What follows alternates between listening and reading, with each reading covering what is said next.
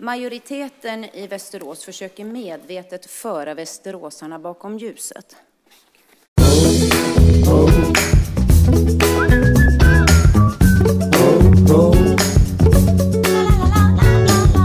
Hur tänkte ni där? Du lyssnar på succépodden Hur tänkte ni där? som genomgått något av ett eldprov de senaste månaderna. Men nu sitter Maria Kesselring här taggad som aldrig förr. Whoop, whoop. Och jag, Anton Tysklind, sitter också här. Också taggad som, som förr kanske. Är det något?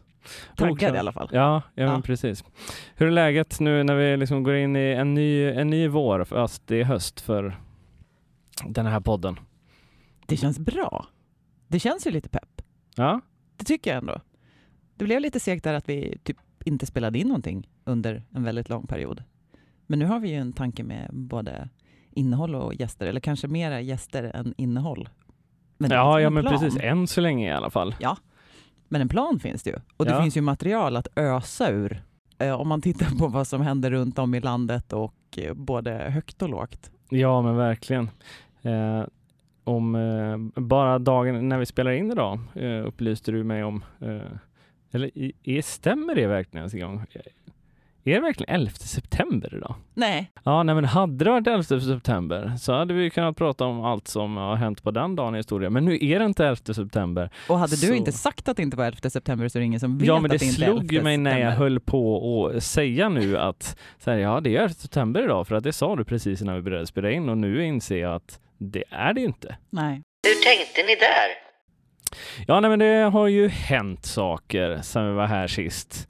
Eh, en av mina favoritsaker som har hänt den senaste tiden det är ju att eh, högern är jättearg på högern.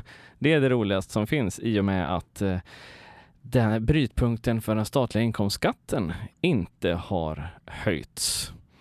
Hur känner du inför det Maria? Stackars, stackars, stackars dem.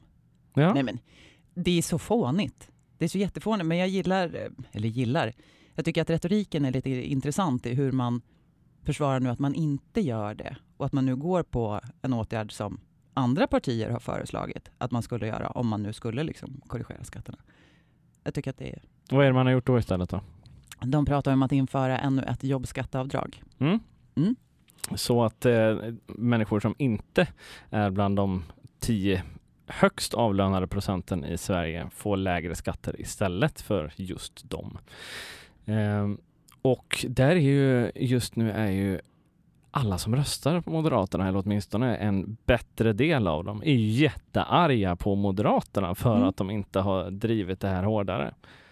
Och Självklart är det här någon form av, av förhandlingsfråga, men jag undrar ju vilket av de andra partierna det är som har slagits väldigt hårt för att inte höja den här brytpunkten.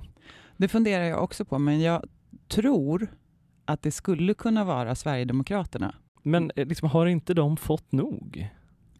De får ju allt de vill. Ja, De får ju verkligen allt de vill. Men de har väl insett att väldigt många av deras väljare inte är berörda av en höjd brytpunkt. En sak jag tänker på när jag eh, följer liksom den här upprördheten på sociala medier främst då. Det, det känns som att det är väldigt många som är väldigt upprörda på att man inte höjer brytpunkten. Samtidigt är det ju inte jättemånga som faktiskt tjänar så här mycket pengar. Alltså vi eh, snackar om att brytpunkten idag tror jag ligger på 51 000 och den skulle annars höjts till 57 000. Mm. Eh, vi snackar alltså över 90 percentilen av sven- svenskarnas löner. Mm. Så min bild är liksom att det är många som är arga för att om de någonsin skulle tjäna så mycket pengar så vill de fan inte betala så mycket skatt. Det är mer principen av att den som betalar mycket, det är inte de som faktiskt sitter och tjänar de här pengarna. Det känns inte som att det är samma människor som är ute och slåss på sociala medier, säkert vissa av dem, men också många som bara är, arga för att. Ja, men de är ju principiellt arga. Ja. Det är ju absolut inte, det berör dem inte. Men så är det ju ofta med många av de som är väldigt, väldigt, väldigt arga Mm. på sociala medier. Det berör dem inte. Nej. Det det handlar om berör dem inte överhuvudtaget. Medan folk kan vara arga över en skola någonstans i en ort som de inte ens är i närheten av. De har inga barn som går i skolan, de har inga barnbarn som går i skolan, men arga är de ändå. De är pensionärer och de är förbannade över att skatten inte sänks för höginkomsttagare. Alltså det, det finns ju, jag vet inte. Och i det här fallet så är det ju så principiellt mycket moderat politik att sänka skatten för höginkomsttagare. Så att man kanske får sig en törn i sin moderata självbild av att man inte gör det nu. Ja, jag lyssnade faktiskt precis när jag kom hit på senaste avsnittet av podden God ton. Då pratar vi alltså Hanif Bali och Per Lindgrens podd. Han, vad, vad jobbar han nu för tiden? Han har varit sakkunnig för Moderaterna, nu jobbar han för Skattebetalarnas riksförbund tror jag. Men du lyssnar på den frivilligt? Mm, ja men absolut. Ja, jag tycker om att känna min fiende. Alltså jag är inte som alla andra sossar som bara så här, eh, sitter och läser partiprogrammet och sen så när jag går ut och hör någon annan ha en avvikande åsikt, bara, hur kan du tänka så? Nej, men Eh. jag, jag klarar inte av att lyssna på det för länge för jag blir så, så upprörd av många resonemang så att jag, jag blir Ja, liksom men det, arg. det händer mig också. Mm. Absolut. Men i det här läget så eh, diskuterade de faktiskt, för de var inte riktigt Oh. överens om liksom, var det här verkligen så dåligt? Eh, att eh, man gjorde den här eh, pausningen i indexeringen, vilket Mm. det alltså är. För den som inte har hängt med så är inte det här ett beslut som egentligen skulle tas om att höja brytpunkten, utan det är en ja, men egentligen typ en automatisk höjning som sker regelbundet eh, med tanke på inflation och löneutveckling och sånt, just för att det inte ska sluta med att alla bara sitter och eh, betalar statlig inkomstskatt. Eh, och den har ju pausats, jag tror det är två eller tre gånger tidigare, senast Mm. 2016. Men det de landade i i alla fall är att det värsta med att Moderaterna nu gör det här är att nu kan de inte klaga när Socialdemokraterna gör det framöver. Och det, det, det bara slog mig. Ja, det här är ju jättedåligt nästa gång, Mm. nästa gång vi har makten och tänker att nej, men den här gränsen behöver vi inte höja just Mm. nu. De har liksom ingenting att komma med då. Men det är ju jättebra. Ja, de bara gräver det här hålet djupare för sig själva. Inga vallöften infrias och eh, när de väl gör saker så gör de saker som krattar manegen för oss. Mm. Men det tycker jag. Det, det känns hoppfullt. Ja, men det gör väl det ändå. Ja. Sen är det ju egentligen, krasst så är det ju fullt rimligt att göra det i det här läget. Om man tittar på hur ekonomin ser ut för merparten av svenskarna så är den ju liksom... eh, När du säger göra det, menar du pausa eller höja? Ja, pau, nej, pausa. Ja. Alltså att, att pausa det är ju fullt rimligt. Eh, om inte annat så för liksom symbolvärdet i det. Mm. För det är det jag tänker, att det är symbolvärdet som är det primära. Eftersom du säger, alltså indexeringen beror ju på en mängd olika faktorer. Som, det, det är inget konstigt. Det är inte att man liksom sänker skatten, utan man... Ja, jag, jag blev faktiskt lite provocerad när jag, när jag igår lyssnade på Aftonbladets eh, podd. Vad heter den? Den heter En runda till. heter den. De har ju flera stycken, men en av deras poddar heter En runda till. Där Lena Melin satt och var så nöjd över eh, om det LO eller ja, men det är något fack i ja, men den här stora löneförhandlingen som Mm, har varit i mm. alla fall. Eh, om hur man har gått med på lägre löner än inflationen just för att stävja den och hur bra det är ur ett samhällsperspektiv. Det provocerade mig lite, för jag tänker att det är det säkert. Det är väl, om vi fortsätter ha lite pengar så kommer ju det påverka Mm. inflationen, absolut. Men det innebär ju också att människor får reallönesänkningar Mm. i hela landet. Men det har ju pågått under en längre period. Ja Alltså- men gud ja, men alltså det, det har ju inte, även när vi har haft 2 i Mm. inflation som det här målet har varit, Mm. har ju inte alla fått 2 eh, Nej. utan det har ju varit, ja men man har väl, eh, ett bra år har man väl fått 2 Precis.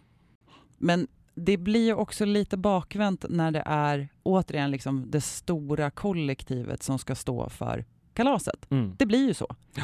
Och det, jag hade en diskussion tidigare om att ja, men priva, alltså, privata alternativ ska finnas, eh, men jag har lite problem när man inom välfärden överlåter mycket av det som ska vara basalt till det privata eh, på olika sätt. Och det, det sker ju eftersom det finns allt mindre skattepengar att röra sig med, allt större behov och då behöver det vara. Och det kan ju liksom aldrig överlåtas. Det som är liksom fundamentalt och liksom basalt och viktigt måste ju någonstans vara offentligt. Och då sa den här personen, ja men varför då? Jag sa, jo för att när det skiter sig så är det alltid det offentliga som får lösa ut det. Det händer med bankerna, Det är bara att se liksom, Mm. man plockar ut vinster, sen går man i konken och vilka är det som får stå för notan? Jo, det är skattebetalarna. Ja. Och, och, så, och så blir det ju liksom hela tiden. Och I det här fallet så blir det återigen ett, ett ganska stort eh, skattebetalarkollektiv som får jobba för att sänka inflationen och liksom dra sitt strå till stacken medan det finns ganska många som har ett större finansiellt utrymme för att dra sitt strå till stacken och inte gör det.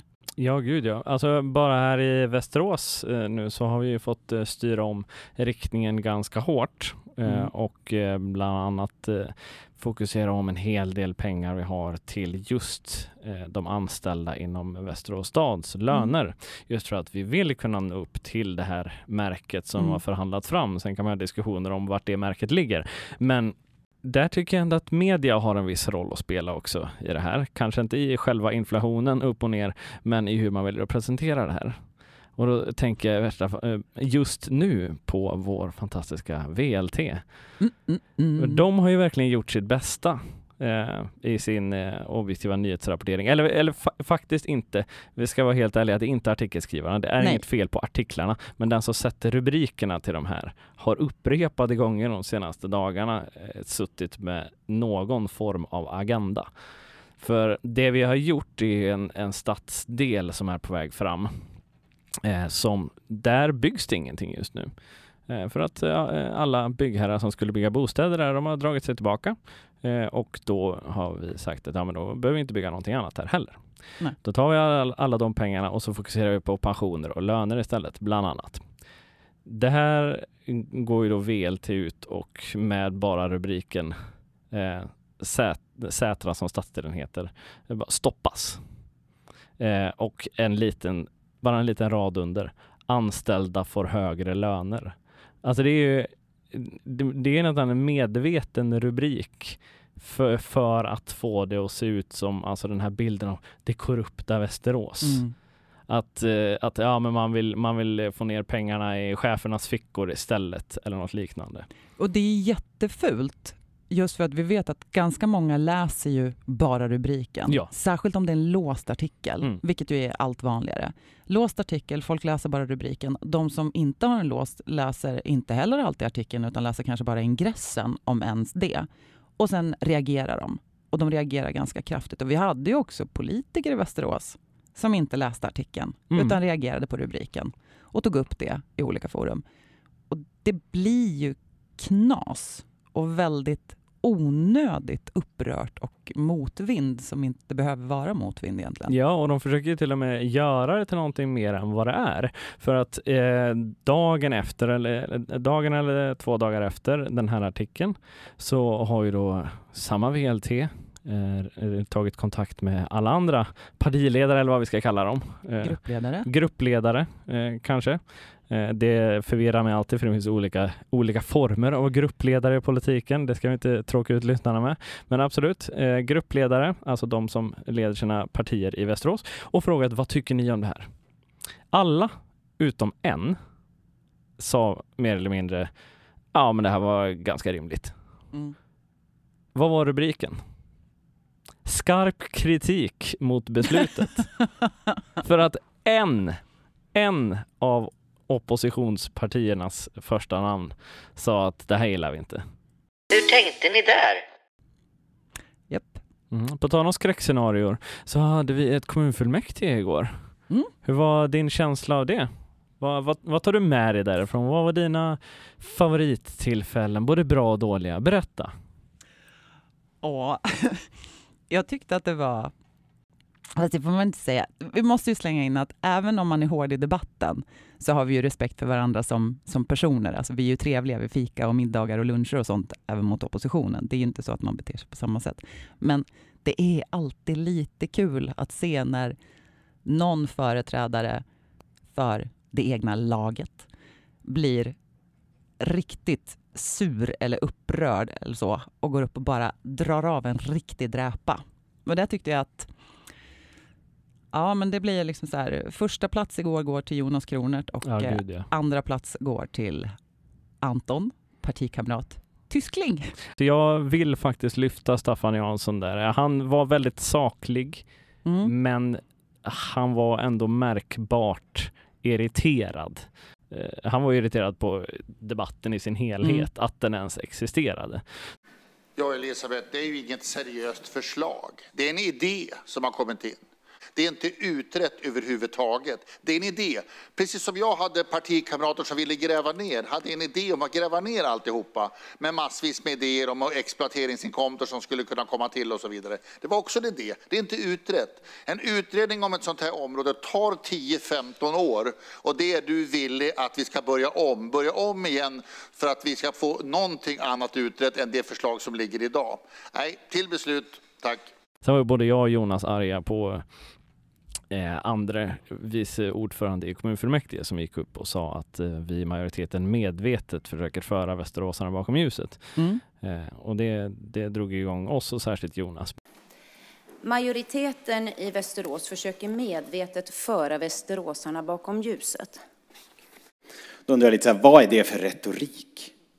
Vad är det för retorik? När jag tar upp och säger att eh, majoriteten för västeråsarna bakom ljuset, då säger det i ett kontext utav det är inte så bra. Står, man står här och påstår och påstår och lovar och lovar och för en diskussion ungefär som att det skulle finnas två stycken alternativ i den här frågan som vi har att behandla idag. Det finns inte två alternativ. Det finns ett alternativ och så finns det en idé. I 16 år har den här frågan utretts. Det är allt mellan eh, så här, markanvändningsutredningar till bullerutredningar till miljö och konsekvensanalyser och så vidare och så vidare. Det här andra förslaget, det är ju inte utrett. krävs väldigt mycket utredningar i de här frågorna. Det är ingenting man kan höfta fram. För hade det varit det, då hade jag här och nu lanserat Resecentrum 2000, den flygande stationen som är helt gratis att bygga, rösta på den. Sen kommer någon och skriker om folkomröstning och sen kommer fullmäktiges andre vice ordförande upp och säger att vi på den här sidan medvetet håller på att vilseleda västeråsarna. Det är, det är både fel och ganska osmakligt faktiskt. Och när jag säger uttryckligen att majoriteten för västeråsarna bakom ljuset, då pratar jag om den ständigt återkommande idén om att ni tycker att allting är väldigt bråttom. Ja, det är, för vi är några som har tagit upp det här nu och varje gång du har svarat på det så glömmer du bort ordet medvetet. Det är inte helt relevant i sammanhanget. Och om det är så att du så, blir så beskylld för att vara otydlig, då kanske du ska fundera lite på hur du uttrycker dig. Hur tänkte ni där? Det beskrevs ju av de här fantastiska VLT, det var väl den mest träffsäkra rubriken, att det var, jag tror det var en eh, hård och bitter debatt. Ja. Och det är faktiskt inte felaktigt, eh, skulle jag nog vilja påstå. Men, men där, jag tänkte så här att jag gav dig andra, andra platsen hänger nog ihop med att jag själv liksom resonerar i det här delningsbildsbiten. Ja. Att du kallade deras, vad sa du, en, ja men vad var det du sa? Jag sa att eh, vårt vi har ett eh, genomarbetat förslag som har utretts i 16 år eller något liknande som står mot en powerpoint. Exakt. Och det är ju ett fantastiskt bra citat. Ja, ja, Vilket ju också blev ett citat det tyckte VLT. VLT också, men mitt namn det bryr de sig inte om att lära sig. Nej, men det kommer de att göra. Ja, vi får väl se. Du, du, du då? Vad tar du med dig? Ja, men det var spännande. Eh, Det är ju den debatten vi pratar om nu. Det är ju det här omtalade resecentrumet som Ja. beslutades innan sommaren att det ska bygga. Det är en ny gigantisk station som Trafikverket ska med och finansiera för att nu ska vi få in eh, Stockholms pendling ska bli bra och vi vill att Stockholm-Oslo som ska bli något supertåg ska gå igenom Västerås och allt ska hända. Eh, och eh, då behöver vi den här stationen. Så att det var alltså detaljplanen till det här som skulle genomföras igår. Och då vill Moderaterna inte, de har ett eget förslag som Mm. de har tagit fram på någon AV i något läge. Och eh, de vill också ha en folkomröstning om det här. Men det man kan lägga till är att det här förslaget som de faktiskt nu har tagit fram, det har ju redan av ett enhälligt kommunstyrelse avfärdats för länge sedan. Ja, men det har ju de som satt i den här kommunstyrelsen då glömt bort. Ja, uppenbarligen. Åtminstone de som idag sitter i Moderaterna. Ja. Och de som driver det här då är ju framförallt Moderaterna. Moderaternas ledande eh, politiker ska vi väl tala Jag tror inte ens att hela partiet egentligen vet vad det är de står bakom. Och på tal om att inte riktigt veta vad de står bakom så har de också Sverigedemokraterna med sig. Mm. Men som sagt, väldigt tysta genom hela den här debatten. Mm. Och jag tror inte att de kommer tillåtas göra det nästa sammanträde när det här ärendet tas upp igen eftersom att de såg till att det inte kunde beslutas om igår. Nej, för det de gjorde, så här, om vi nu ska ha ett litet bildningsinslag, Ja. så eh, trots att vi då hade ett majoritet för förslaget, för alla partier förutom Sverigedemokraterna och Moderaterna stod ju faktiskt bakom den här detaljplanen. Och trots det så bifölls det inte. Vad beror det på, Anton? Ja, det var ju för att eh, de här taskiga människorna i oppositionen, eller åtminstone eh, Moderaterna och Sverigedemokraterna, de yrkade på att ärendet skulle återremitteras. Vilket innebär att ärendet skickas tillbaka dit det kom ifrån och så ska man ta det en vända till och sen kommer en bearbetad version upp. Det räcker ju då med att en tredjedel av fullmäktige står bakom en sån här återremiss för att inte majoriteten bara ska kunna köra igenom beslut i parti och minut. Det är väl någon sorts demokratisk spärr som eh, de nu, jag skulle vilja säga att den missbrukas lite just nu när det gäller det här. Och Det, då bara, det kallas ju för en minoritetsåterremiss när det bara är två tredjedelar. För sen kan ju majoriteten också återremittera någonting, eller att en majoritet tycker det. Ja. Och det är ju bra att det finns, men som du säger, i den här frågan så har det ju gått lite troll. Sen personligen så är jag fruktansvärt trött på att å ena sidan stå och säga att oh, vi ska spara pengar och behövs det här och oj, det här behövs inte och det här vill vi inte ha. Och så blandar man ihop pengapåsarna. För Trafikverket har ju sagt att de inte är intresserade av den lösningen som då Moderaterna lägger fram. Och då kommer de inte gå in och finansiera det. Det innebär att det kommer gå väldigt mycket mer egna pengar. Det ville de ju inte erkänna igår, utan tyckte att det var oärligt och ohederligt. Eh, och så tror de att man kan liksom inte ta sådana här pengar till vad som helst heller, för att det är ju olika budgetar som lägger och det är lite krångligt. Men det knöligaste är ju sen att de hävdar att det är odemokratiskt att, att inte lyssna på dem. För de står ju ändå, det är ju ändå två partier. Ja, och det tog ju då en del av dem upp igår. Och det resonemanget har vi pratat om tidigare på podden också, att nej, det är inte så svensk demokrati funkar. Det är inte så liksom majoriteten funkar. Det, räck- det spelar ingen roll att ni är det näst största partiet. Ni kommer ändå inte få som ni vill om ni inte sitter i majoritet. Jag är fruktansvärt trött på att prata folkomröstningar, för du kan inte säga att man ska spara pengar å ena sidan, ursäkta, och sen säga låt oss ha en folkomröstning istället. Ja, men det är inte, det är inte så det här landet är uppbyggt. Jag föddes 1988. Det är alltså 35 år sedan. På den tiden Ja. Okej. på, på den tiden så har Sverige som land haft två folkomröstningar. Högertrafik? Nej, det var 75 för fan. Nej men, nej, men jag trodde att du menade att... Ja, nej, okej. Sen Tack. 1988, vi har haft Ja. sju totalt tror jag. Ja. Men, eh, det är EU 94 och EMU eh, Mm. cirka 2000-2001 eller nå- någonstans. Mm. Sen jag flyttade till Västerås har det varit en och den andra ligger nu på bordet. Ja. Det är fem år sedan. Mm.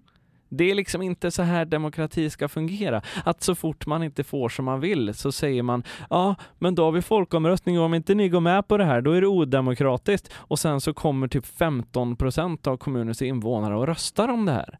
Ja, det är inte demokratiskt. Det, In, det- inte ja. i Sverige. Nej. Alltså det, det, det är ju inte, det är som du säger, vi har inte ett sånt politiskt system. Vi röstar vart fjärde år och då röstar vi på ett parti och sen så överlåter vi liksom det partiet att representera oss och hur vi tycker. Då kan man inte, liksom, som du säger, så fort man inte får som man vill, bara, nu ska det bli folkomröstning och då kommer ju de närmast sörjande att gå och rösta. Ja. Och jag tycker ju någonstans att ska man börja säga, för det, det man också måste komma ihåg det är att i Sverige så är ju folkomröstningar rådgivande. Och det vill man ju inte heller liksom riktigt kännas vid. För hade det inte varit så att det hade funnits lite starka män så hade vi ju fortfarande haft vänstertrafik i Sverige eftersom det var sånt massivt motstånd i den folkomröstningen. Men man valde ändå att lägga om till högertrafik. Var du med på folkomröstningen om högertrafik? Nej, Eller folkomröstningen var väl i och för sig tidigare, det var väl... eh, Nej, fan, men hur gammal tror du att jag är? Men, jo, men nu bara eh, 67 skulle jag vilja säga. Nej, Ja, men alltså själva omläggningen menar jag nu. nu... eh, Omröstningen var säkert tidigare, men Folkomröstningen om högertrafik hölls den 16 oktober 1955. gud, jag hade ju jättefel. 82,9 procent röstade då för fortsatt vänstertrafik. Valdeltagandet var lågt. Ja men det är väl självklart, alltså det här är ju en ganska idiot, det här är, det här är faktiskt en sån idiotisk folkomröstning. Det är så här, skulle du vilja den här vä- sidan av vägen du har kört på varje dag i hela ditt liv sedan du lärde dig köra bil, skulle du vilja fortsätta köra på den? Eller ska vi ta andra sidan så att allt du är van vid bara blir tvärtom? Nej men det är väl klart som fan att alla röstar på att köra kvar på samma sida av vägen. Man tar inte det beslutet för att det här är det mest bekväma, Mm. utan för att högertrafik, det är liksom det är så vi gör i världen, så det är kanske käckt om vi också gör det. Hur tänkte ni där? Du frågade tidigare om, om någonting som jag tyckte var bra och någonting som jag tyckte var dåligt. Vi Mm. hade ju två väldigt korta, korta, korta debatter om två stycken revisionsrapporter. Den ena om att förebygga välfärdsbrott Mm. eh, och den andra om stadens arbete med integration och etablering. Och där går en företrädare upp och pratar och säger att, och så ska vi kalla det vid sitt rätta namn, för det är ju assimilering vi vill ha. Och det tyckte jag var ett lågvattenmärke. Hade jag reagerat snabbare så hade jag i, i det replikskiftet som jag hade med honom senare kanske sagt att vi inte är borger. Så vi behöver inte ha assimilering. Vad är borger? Det är ett folkslag i Star Trek eh, som assimilerar alla genom att ta upp dem i sig själva. Så att alla Borgs resistance is futile. Mm. Eh, till, till att börja med så ska jag säga att vill ni veta mer om eh, vad jag tycker om den här företrädaren så skulle jag rekommendera avsnitt 4, Vi skjuter skarpt. Mm. Eh, men eh, tillbaka till Borger. Mm. Eh, kan vi säga att Centerpartiets gruppledare Vicky Skure Eriksson gick faktiskt upp och sa det är integration, vi ska göra ingenting annat. Vilket var bra. Men det får mig att tänka på en annan sak. Referens, eh, referenser folk gör i inledningen på sina tal ibland. Mm. För i, i min värld så går det att göra på två olika sätt. Antingen så använder du något som alla känner igen Mm. så att du liksom får en koppling. Eller så gör du som typ Marcus Lindgren och kör en referens som bara flyger över allas huvud men du blir själv underhållen av den. eh, det, det är de två varianterna eh, jag skulle säga som är gångbara. Vad gjorde han då? Ja, jag, med, det, jag tror det var någon Robespierre-grej. Eh, jag minns inte exakt vad. Men nej, men just för att det var eh, det var Vänsterpartiets gruppledare eh, det, som, som fick mig att tänka på, som bara fick mig att reagera på det här igår. Mm. Eh, annars så, så här, det, det händer ju titt som tätt ska sägas, men just igår tror jag det bara var en gång eh, som hon gick upp och sa, är det någon som har sett eh, det här klippet på Youtube av någon specifik person? Det var en person som räckte upp handen. Jag hade aldrig hört talas Nej, om den. det- så var det nog för de flesta. Problemet var att anförandet började med referensen, liksom, har ni sett det här? Som, ja men kul, då går vi vidare på det, bara att ingen hade sett det. Eh, så det, det började med att falla lite platt. Och det, Mm. det är det jag menar, man får liksom se till, antingen så formulerar du om det eh, så, så att bara de som fattar fattar Mm. och de som inte fattar får bara lyssna vidare utan att egentligen bli störda av det. Eller så tar du en referens som du vet att det här kommer folk faktiskt känna igen. Mm. Och det blir ju svårare och svårare, Ja, tycker jag. för annars blir ju risken att det är, har alla sett det här klippet? Ingen? Hepp. Hepp. Nej, men eh, gör det då. Eh, I alla fall, eh, det här händer i klippet. Och, och där tog min tid slut. Mm. Nu sätter jag upp mig igen på talarlistan. Ehm, var det det du tänkte på apropå Borger då eller? Ja, ja men precis. För att säga att du hade gått upp och sagt så till Erik Johansson, så här, vi är ju inte Borger, då hade ju alla, Erik och alla andra suttit och bara vad pratar du om? Jag vet att det åtminstone hade funnits en ledamot som hade vetat vad jag pratade om. För en ledamot kom igår fram till mig och sa att min kompis bad mig att hälsa att du har väldigt coola stickers på din dator. Den personen pratar inte ens svenska men hade tittat på fullmäktige ändå. Eh, så det, det finns, eh, det är inte bara jag som är sci-fi-nörd. Ja, nej, de, de finns väl. Men i så fall behöver man ju säga det på ett sätt som gör att så här, du och den som lyssnar fattar den referensen, men inte göra det till huvudreferensen till den du Nej. debatterar så att den inte fattar vad du pratar om. Jag hade kunnat säga att vi är ju inte som borgerna i Star Trek som assimilerar alla kulturer de erövrar. Ja, se där. Ja, titta, då hade du till, inkluderar du alla i referensen istället. Det, Jajamän. det är också en väg att gå. Mm. Man får liksom anpassa den referensen man vill använda Mm. till eh, hur householden ändå är. Och gärna hålla sig på den säkra sidan. Mm. Mm.